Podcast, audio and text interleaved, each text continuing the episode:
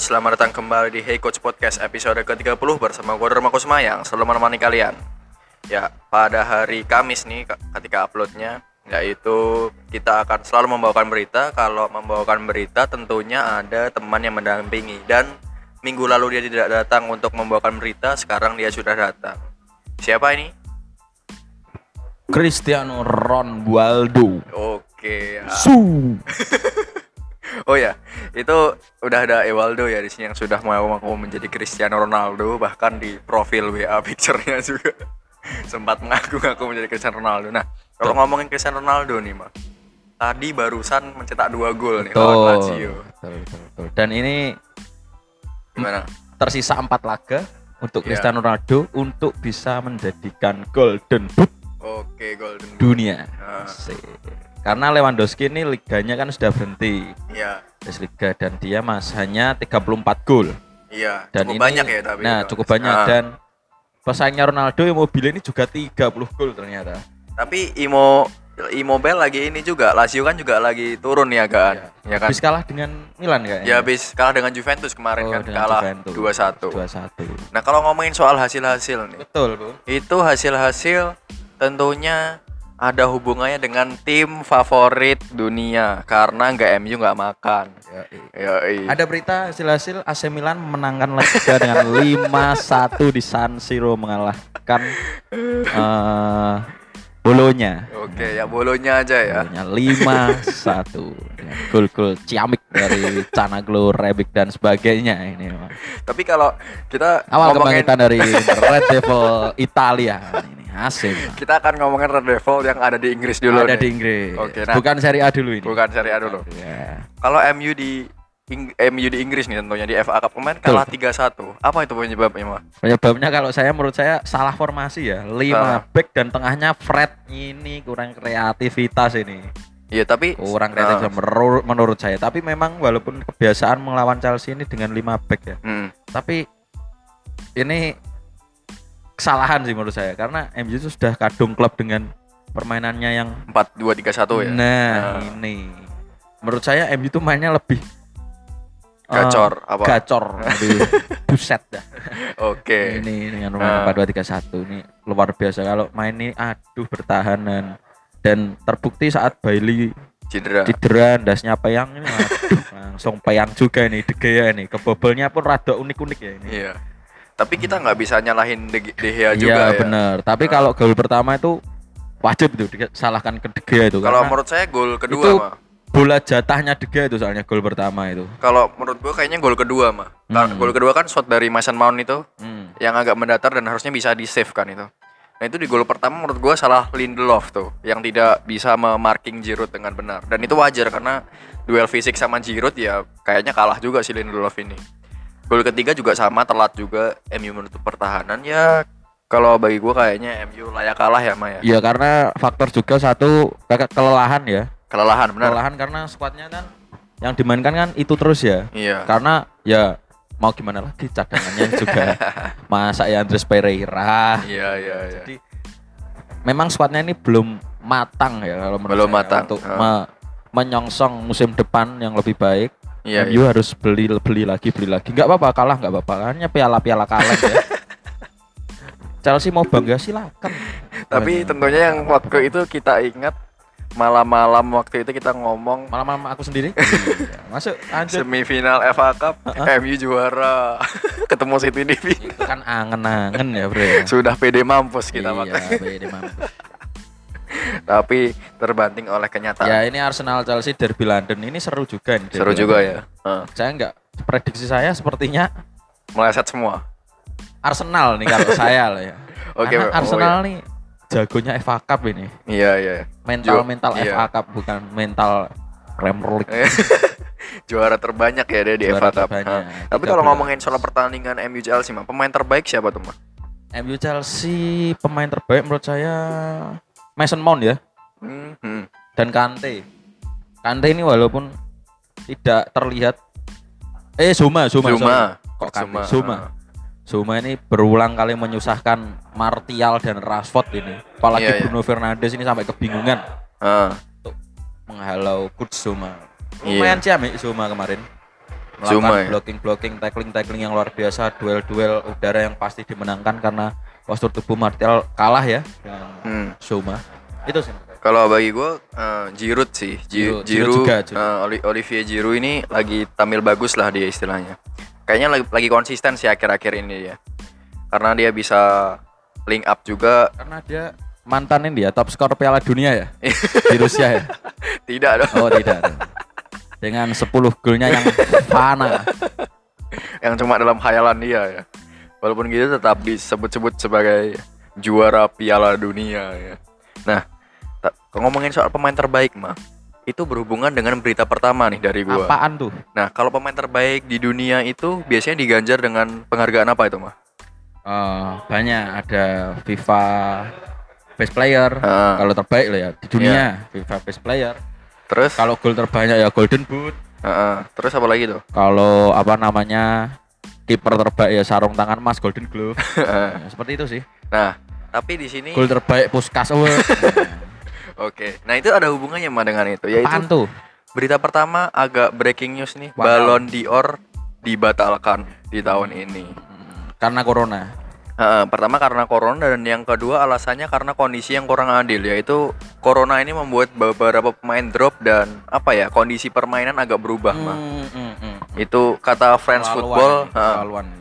kata French Football yang memang sedang apa ya, memang menjadi penyelenggara di Hmm. tahun ini. Dan di ini untuk pertama kali ya, Hmm. pertama, pertama kalinya mah sejak 1956 pertama kali dalam sejarah dibatalkan dan tidak akan ada di tahun 2020 nih mah Hmm. dan itu juga beralasan karena apa namanya yang ngevote itu ada 200 berapa itu dia tentunya para voters ini agak-agak akan apa ya Eh, Kecewa. iya eh, ju- jurinya pun agak terdistraksi karena pekerjaannya ini karena adanya covid ini ya Maya Hmm. nah kalau bagi lo sendiri gimana mah Ballon d'Or tahun ini dibatalkan?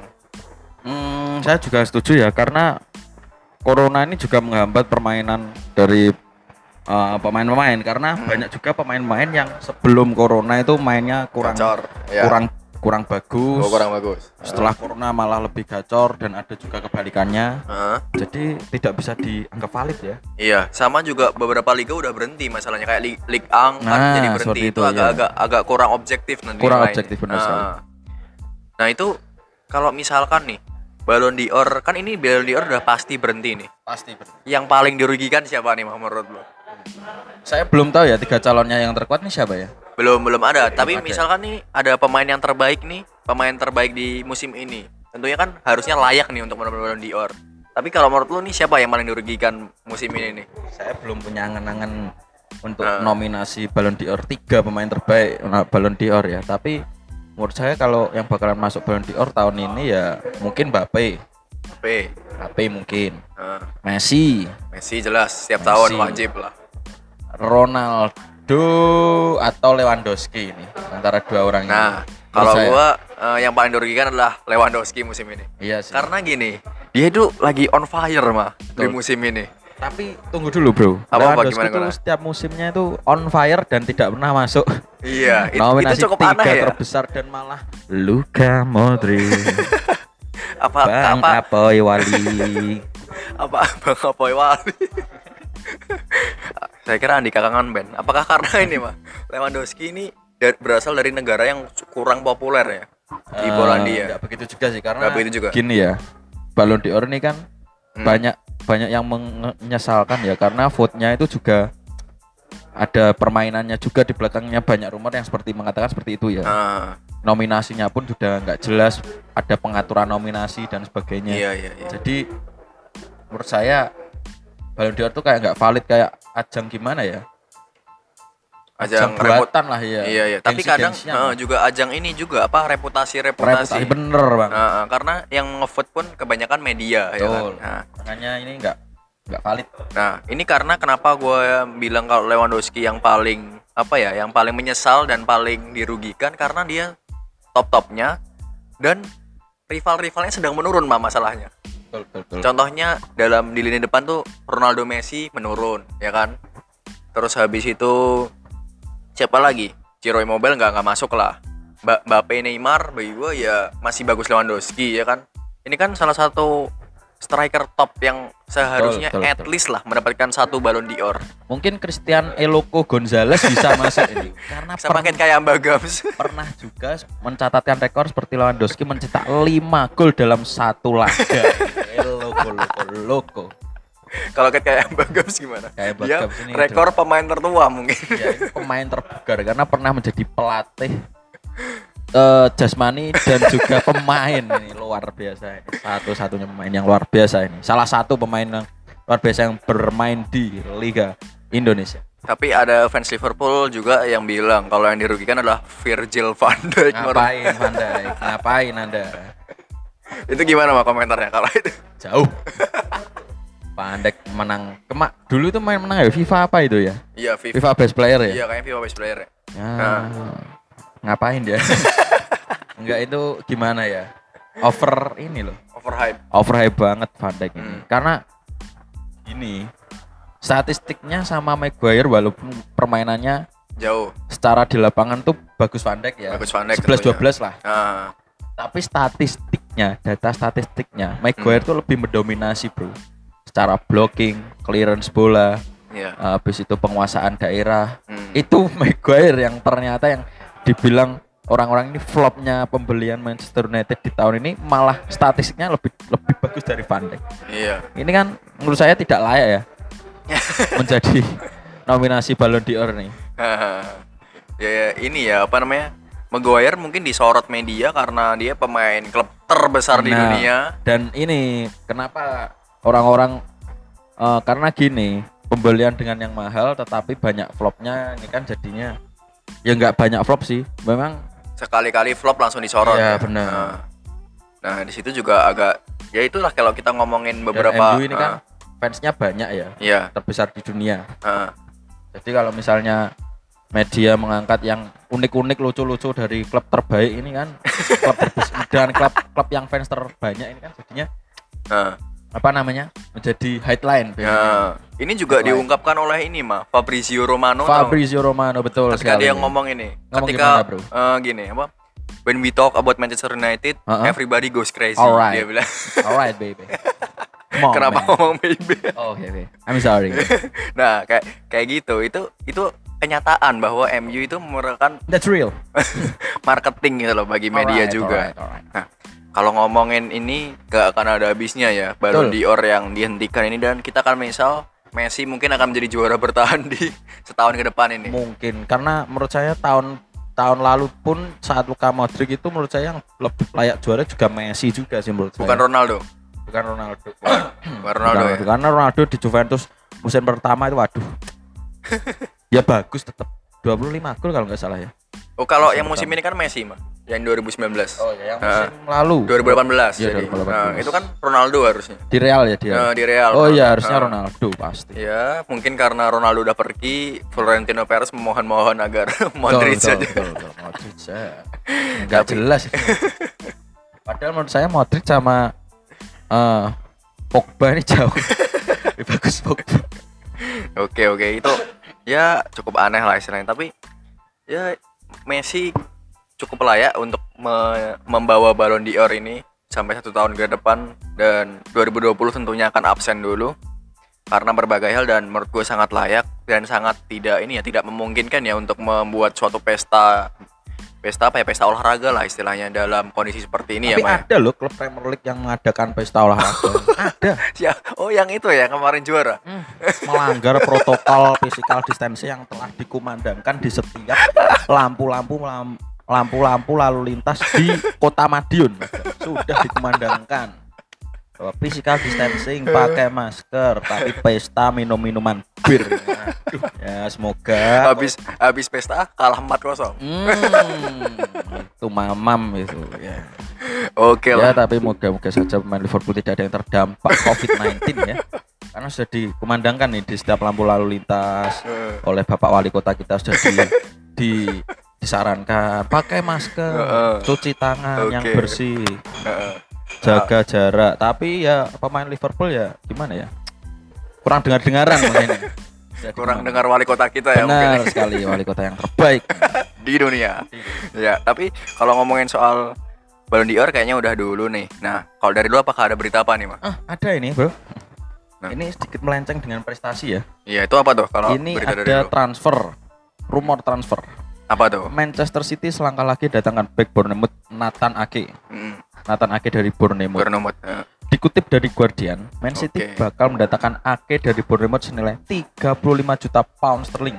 Dan kini hanya tinggal menunggu waktu. Oke. Belum ada tuh, apa harganya berapa belum ada? 35 juta pound. Oh, dia 35 juta pound sterling ya. Betul Wah, itu bagi gue cukup tinggi ya untuk back yang Cukup timnya tinggi karena terdegradasi. Kontraknya ini masih tersisa hingga Juni 2022. Oh, wajar kalau gitu. Dan Bournemouth sendiri ini kemungkinan besar terdegradasi dan Iya, iya. berpotensi kehilangan salah satu pemainnya jadi rebutan klub-klub lain itu. Iya, benar benar benar. Itu ya cukup ini ya, cukup layak lah kalau menurut gue kontraknya masih 2022. Benar, benar, benar. Tapi harganya 35 juta juta pound sterling dan kalau Nathan Ake bagi lu bagus nggak mah? Back yang cukup bagus nggak? Hmm, menurut saya bagus tapi tidak terlalu bagus sih. Oke aja ya jadi Oke bagus aja, aja. sih, Ha. nggak top. Kalau gue bagi gue agak sama ya karena Na- Nathan Ake ini ya cukup bagus lah. Dia seorang ball playing defender yang juga bisa membawa bola, bisa melakukan umpan-umpan yang cukup baik. Terus habis itu fisiknya, terutama fisiknya cukup tinggi dan cukup bisa berduel Tapi fisik. masih angin-anginan Nathan Ake. Iya, karena, karena- terbukti klub yang di bawahnya pun ini terdegradasi, Bro. Iya iya iya. Tapi tapi tapi kalau itu kita tidak bisa menyalahkan Iya, Nathan Ake sepenuhnya. Ake, tapi salah satu kan ya gara-gara dia ini. Iya sih, karena mungkin dia inkonsisten juga. Tapi di satu sisi Nathan Ake ini ya sudah dari musim lalu gue melihatnya dia cukup bagus. Berduel udara dan berduel fisik cukup baik mah kalau Nathan Ake Hmm. ini. Dan mungkin Bournemouth di satu sisi juga akan kehilangan beberapa pemain bintangnya seperti Ryan Fraser, ya kan. Terus Callum Wilson nih eh, kapten setianya apakah akan diuji nih? Apakah dia akan mau pindah atau tidak? Juga cukup ini. Hmm. dan padahal pelatihnya Bournemouth ini salah satu pelatih berbakat ya mah Eddie Howe ini. Nah tapi kalau Nathan Ake ke Manchester City cocok nggak mah Cocok aja sih karena ini City ini juga butuh back tengah yang kuat. Karena sepeninggal Vincent Kompany ini iya benar. Otamendi sama Laporte ini kurang. Otamendinya Otamendi ini kurang ini. Kok kok ngeprek ya? Kok Otamendi, ngecerek ya? Otamendi ini kurang sip menurut saya untuk menjadi pendamping ya Laporte di back eh, tengah. Otamendi udah tua lah. Dan ya mungkin untuk main di FA Cup lah Otamendi ini. Kalau di apa namanya di Liga Champions. Hmm, dan Fernandinho juga back tengah juga cukup itu jelek. memaksa ya memaksa gitu. padahal bagusnya gelandang Dan bertahan. sudah terbukti beberapa match kalah City kalau backnya Fernandinho. Ya. Kenapa nggak De Bruyne sekalian? ya? Saya juga bingung ini City ini. tapi juga itu gue sepakat sih kayak Laporte juga ambil apa habis cedera panjang tentunya masih membutuhkan momentum untuk ini lagi ya mah Dan Laporte ini sudah bagus, eh, kurang men- mencari tandemnya saja sih. Iya iya. Nah, tapi ya juga karena dia ini habis dari cedera ya mungkin. Betul betul betul. Terus sama Eric Garcia masih terlalu muda, Betul. masih terlalu inkonsisten. Tentunya Nathan Ake ini bakal menjadi hal yang cukup bagus apalagi dia juga bisa membangun serangan. Dan Bang. City ini menurut saya kurang apa? Butuh juga sosok pemain yang menjadi kapten. Nathan Ake bisa tuh. Set- setelah kehilangan Kompany. company. Nah, ini lagi VOC ya, lagi Bang ya. Sapri ini ya. Bang Sapri company ini. Terus gimana? Ini kan sosok kapten yang luar biasa di Man City yang Iya. bisa mengangkat Premier League beberapa kali. Mm-mm, benar. Ya benar. walaupun tidak bisa melebihi Arsenal ya. tapi tapi eh, cukup bagus dan ini Nathan Ake kan juga bisa menjadi kapten ya karena dia sudah beberapa kali eh, menjadi kapten di Belanda. Iya iya iya benar benar. Oh berapa itu lupa saya. Iya iya U21 kayaknya. Ya. Hmm. 13 caps kalau nggak salah. Iya iya. Nah, Nah itu juga sebenarnya ya bagi gua Nathan Ake cukup bagus, terutama untuk ini mah meng- Hmm. menutupi kelemahan Manchester City dalam kena counter attack. Nah, Gila sekali. itu. gila, wah gila sih. Gila sumpah ini nggak bisa ya. nah itu Nathan Ake itu juga Bius menjadi solusi, solusi pertahanan Manchester City. Hmm. Tapi kalau selain Nathan Ake, kira-kira Manchester City eh, ini selain Nathan Ake backnya siapa lagi mah? Kalau Nathan Ake nggak dapat tuh. Karena Nathan Ake itu masalah juga diincar oleh Chelsea, MU bahkan katanya juga masuk, Hmm. Arsenal juga masuk. Ini katanya sih City juga mengincar Kole Bali juga dari Oh, Napoli. Kole Bali, Kole ya. Bali. Ini kan cukup cukup bagus sih kalau Iya, Kole Bali ke Kole City. Bali. Lagi Kole Bali kan banyak juga diincar oleh klub-klub di Ah, di Premier League juga. Premier League Nah, Di MU, Liverpool, City salah Nah. satunya begitu sih. iya sih, karena tapi Nathan Ake, tapi kayaknya City pun lebih ingin mendapatkan Nathan Ake mungkin dibanding Bali, terutama Pep yang suka dengan back yang cukup muda jadi bisa 25 tahun. Iya, Ake. namanya lebih muda daripada Bali maksudnya. Yoks. Jadi jangka panjang masih bisa dan apalagi ini terutama membutuhkan ini juga mah mungkin City membutuhkan kalau yang menerima corner kick sama crossing tuh. Hmm. Kan Nata kita lihat strikernya yang sangat tinggi Gabriel Jesus ya kan. Sterling ini juga. Dulu kan ada company Nah, Kang Sundul itu, ini Bang iya. Sapri ini. Cakep.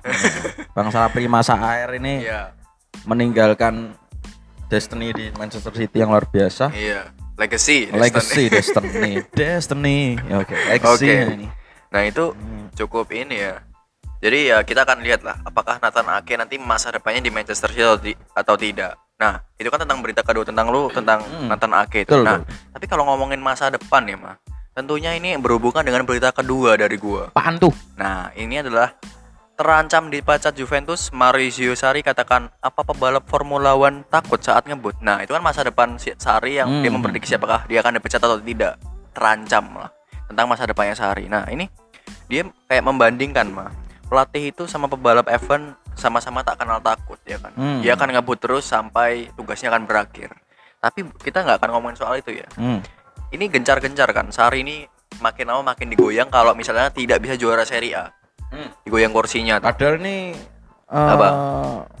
Perbedaan banyak dengan Inter Milan ini 7 poin ya.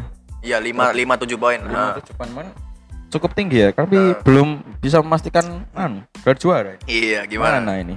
Nah, tapi kalau misalnya bagi lu Sari apakah layak dipecat dari Juventus?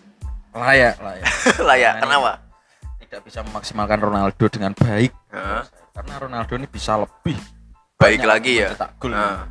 Karena beberapa kali Ronaldo melakukan wantu dan tidak punya teman. Hmm. Saya pernah melihat Juventus kemarin.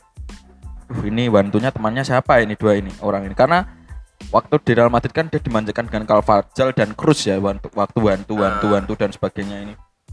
Jadi dan Marcelo duanya yang Oke. tak tergantikan. Jadi ini di Juventus nih skema permainan Ronaldo sendiri tidak berjalan Baik. baik. Nah, tapi kalau gue mungkin nggak nggak sepakat. Gue tidak sepakat Sari dipecat karena untuk pertama kalinya nih Juventus bermain cukup atraktif Hmm. dibanding era Allegri sama Conte karena Betul. memang Sari ini membawakan apa ya permainan yang cukup atraktif menyerang yaitu bermain bola-bola pendek, bermain bola-bola cepat. Tapi mungkin masalahnya ada di gelandang tengah nih. Kita lihat mah gelandang tengah itu siapa? Tidak ada yang kreatif makanya ini aslinya PR-nya Juventus nih ada dua gelandang dan kiper Kiper ya, Sesni. Aduh. Heeh. Sesni ini Tapi kalau ngomongin gelandang tengah dulu tuh.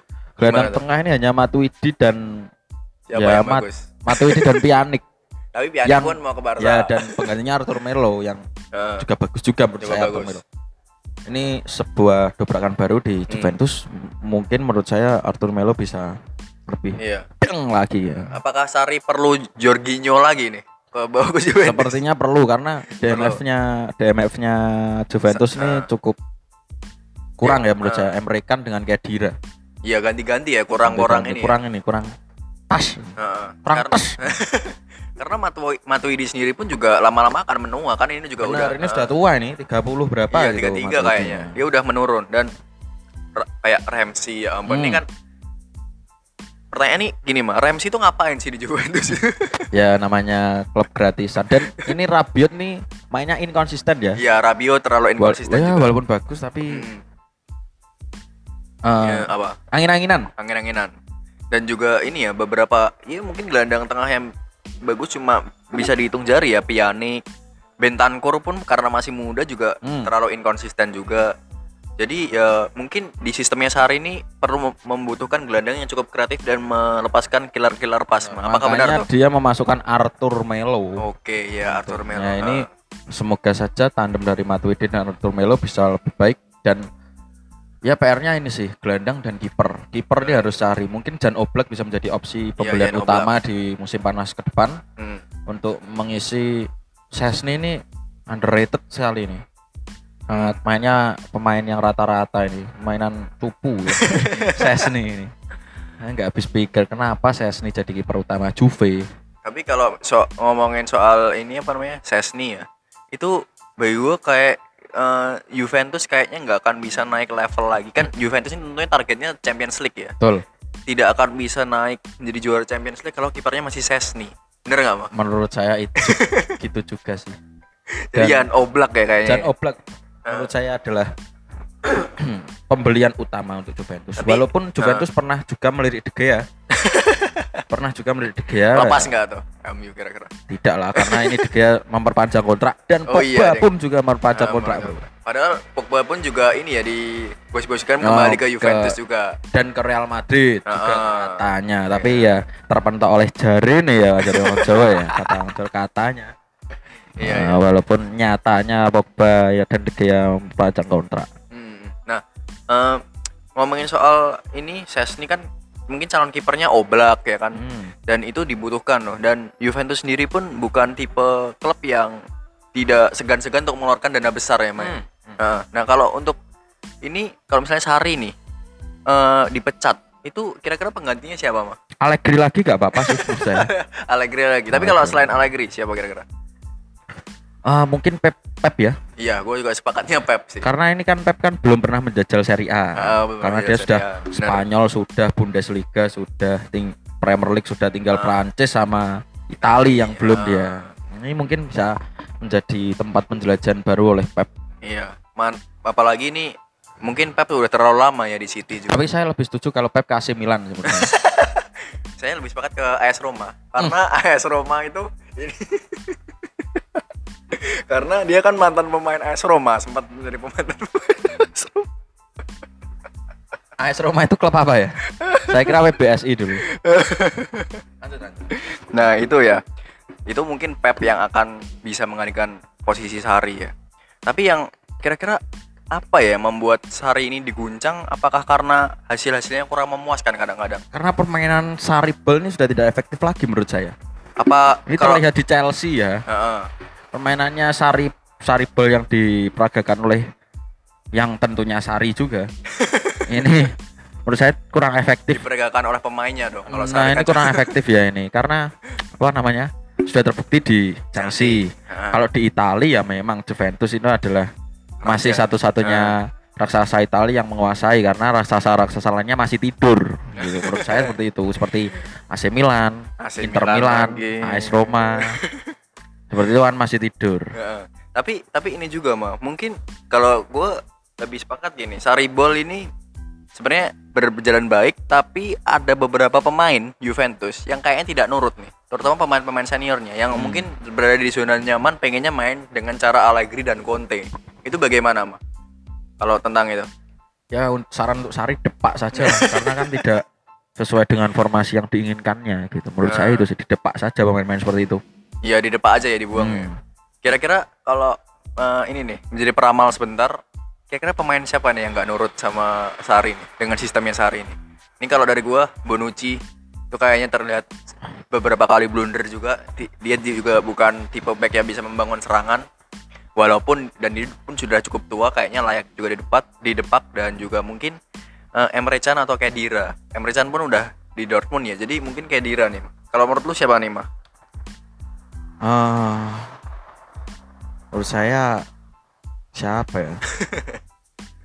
Saya kurang tahu ya karena saya eh saya malah lihat sisi positifnya Ronaldo ini di disuruh formasi apa saja tetap baik tetap terbaik dia Ronaldo iya iya iya. Oke lah tapi itu sih. mungkin kekurangan tidak menjawab apa. Saya bingung karena ini apa namanya? Apa namanya? Tengahnya ini Matuidi doang yang hidup gitu loh Mas. iya iya. Jadi- karena dia juga energik ya gelandangnya Hmm, juga jadi saya tidak melihat tidak keturutan dia ya tidak Ah. kemanutan dia ya. Jadi Ah. saya juga bingung untuk menentukan siapa yang kira-kira nggak manut ini harus diketat ini. Higuain mungkin? Oh, Igo. tapi Higuain bukannya selalu bersama Sari kan? Selalu Hmm, selamanya ya, kan? saya kurang tahu sih. Mungkin itu sih. Nggak saya kurang tahu ya gimana Kok daldul ya kalau apa dibala ya kayaknya ya saya kurang tahu sih nggak tahu, Iya, nggak iya. tahu. nanti saya chatnya Ronaldo ini gue punya nomornya Ronaldo ya Mas. iya punya punya Eh, tapi lain lain sih lanjut lanjut tapi kalau mungkin menurut kekurangan Sari nih di Juventus, kenapa bisa ada rumor-rumor ingin dipecat ini? Mungkin karena dia terlalu keras, keras kepala, mah. Bener nggak itu? Dia terkadang tidak tidak bentar ngerokok dulu aja. Karena dia tidak mau merubah sistemnya untuk sejenak atau membuat plan B. Contohnya, misalnya plan A Saribol-nya ini sedang tidak berjalan. Otomatis dia harusnya seorang yang kaya taktik harusnya bisa nih mengadaptasi untuk bagaimana membangun plan B yang baik. Nah, ini gue lihat dia kadang-kadang tetap ngeyel nih main Saribol. Apakah benar itu, mah? Bener bener bener. Pelatih pelatih keras kepala nih biasanya hanya bertahan beberapa musim saja. Hmm, Maksimal tiga musim sih. kayak tahu nih. Tapi kalau tapi kalau Jose Mourinho yang saya enggak saya enggak nyandak situ tapi ya silakan Anda jelaskan Jose. Kenapa Jose Mourinho? Kok tiba-tiba Jose Mourinho ini? Tapi kalau Jose Mourinho ini lagi tren positif mah, dia lagi menang dan membantu MU. Itu. Saya sempat me- melihat Tottenham Leicester ini sebenarnya Mourinho kayaknya sangat counter attack. Tapi ya demi kemenangan M, apa Tottenham ya harus inilah untuk menang agar MU bisa naik ke Leicester City ya, masih Leicester City. Nah, kalau mungkin berita dari gua tuh tentang Sari malah melebar ke Mourinho segala tentang tiga musim nih. Karena tiga musim sama dengan Mourinho. Nah kita udah ngomongin Sari dan Juventus. Berita terakhir dari lo apa nih mah Ini ada perseteruan antara agennya Gareth Bale dengan Zinedine Zidane. oh yang iya ya kenapa tuh kira-kira Ini agennya Gareth Bale berbicara di Hmm, di eh, media Spanyol. hmm. Zidane do no thank you.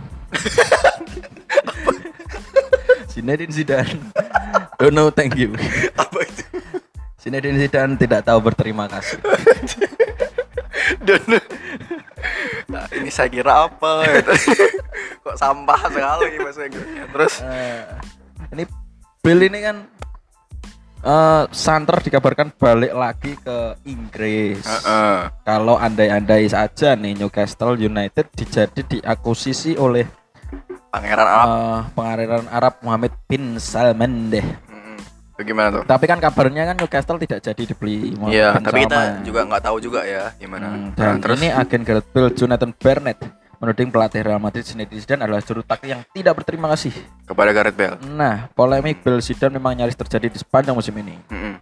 Eh, dan Bale ini sudah terlihat ogah-ogahan ya. Main sama Real. Ter- terlihat saat ini pengangkatan trofi di lapangan di depan gawang itu layarnya alu alu alu Itu cuma oh. Zidane oh. hanya mengangkat tangan dan Gareth Bale kok eh sih. Zidane Bale hanya ya sepantasnya saja itu ya seperti itulah ogah-ogahan dan Zidane pun juga mengatakan tidak ingin melatih Bale Iya iya dia ngomong gitu juga. tetapi Bale ini sayangnya masih punya dua tahun sisi kontrak Heeh.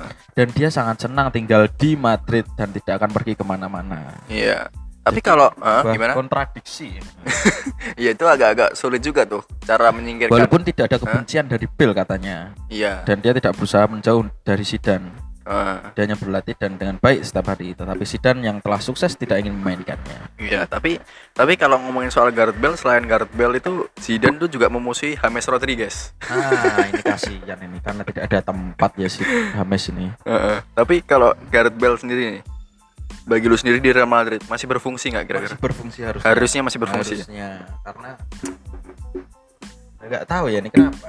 Heeh. karena kan Bale ini kan harusnya masuk dengan apa namanya Sistemnya Zidane. sistemnya Zidane yang counter attack ini ya Mm-mm, harusnya masuk tuh karena dia cukup cepat. cukup cepat Hmm, dan, dan- mainnya kayak sebelas dua belas dengan Arjen Robben ya Iya iya, skillsnya juga skill Heeh. individunya juga cukup baik ya. potong passing potong passing ini kan pemain Real Madrid kan sekarang nggak ada pemain seperti itu ya ada tapi kurang. Masih muda lah, masih, muda. Heeh. Lucas Vazquez Isco Vinicius, Asensio Vinicius heeh.